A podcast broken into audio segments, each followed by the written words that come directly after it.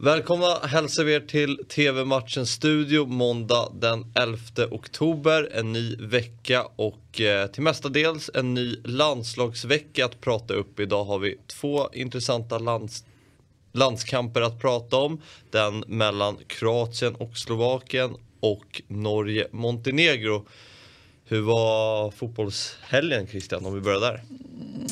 Mm, det fanns väl guldkorn men, men eh,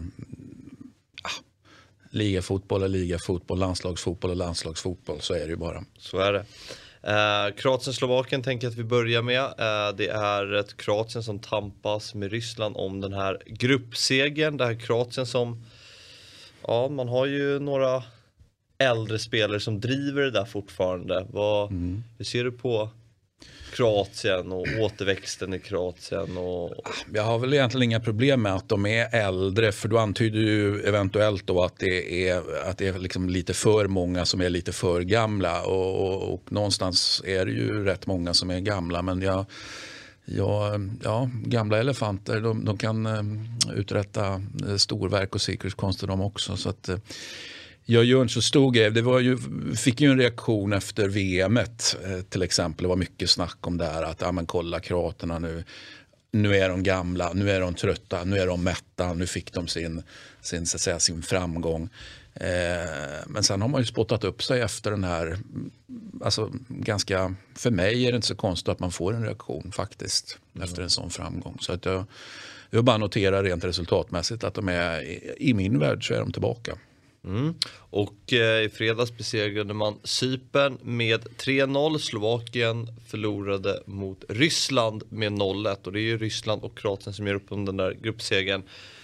Um, Kroatien är det ett lag, eller Slovakien är det ett lag Kroatien ska slå tror du, på hemmaplan? Ja, det tror jag man gör utan, eh, utan större bekymmer faktiskt. Slovakien är Ja, de där gångerna man har stått och sagt att Slovakien är inte så där överdrivet bra så har Slovakien ändå kunnat liksom, eh, ja, röra lite på sig och, och, kanske stå för bra insatser. Men det är för tunt helt enkelt. Och, och Kroatien är ju inte tunt, i alla fall inte mittfält, i alla fall inte anfall.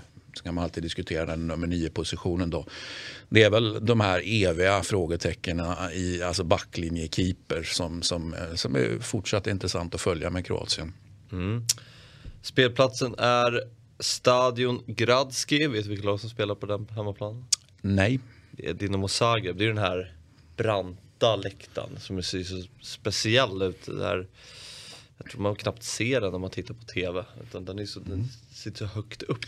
Det kanske vi ska ha som kriterie att man ska inte kunna se läktaren ja, men det, på den TV. Är inte så Då är det bra stadion eller bra arena. Ja, den är inte så tv-vänlig tycker jag. Jag kommer ihåg när Malmö mötte Dinamo Zagreb där. Då tyckte man att det var så, mm. så, så deppig. Men den har sin eh, charm den också. Uh, matchen startar 20.45 och ni ser den på Simor.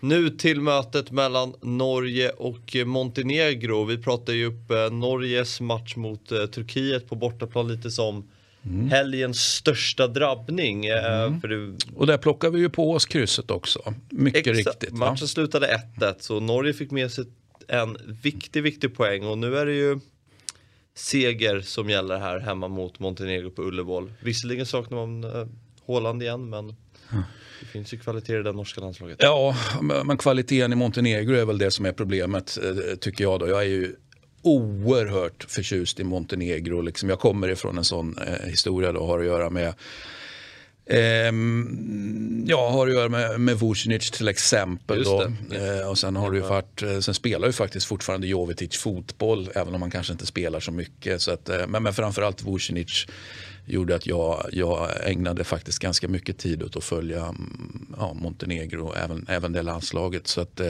men jag bara konstaterar att återväxten är inte speciellt bra helt enkelt. Och det, det är lite grann sorg i hjärtat. Jag konstaterar att Norge kommer att vinna det här lätt. Mm. inte vill... för att jag har någonting emot Norge. Nej, men, men för att jag eh, tycker, ja, tyckte, tycker väldigt mycket om Montenegro. Just det, det var ju gamla romanfallare va? Precis, mm. och en del andra klubbar också. Men, eh, eller så här, framförallt Lecce. Just det, då förstår jag varför du mm. håller honom varmt om hjärtat. Eh, Jovetic var Mm. Han är ju också en spelare man trodde mer på. Ja, man gick ju sönder. Ja. Det var ju det, det var ju skad, eller han kanske, är du med, mentalt inte hade varit pallat ändå, men det var ju framförallt skadorna, ständiga skador mm.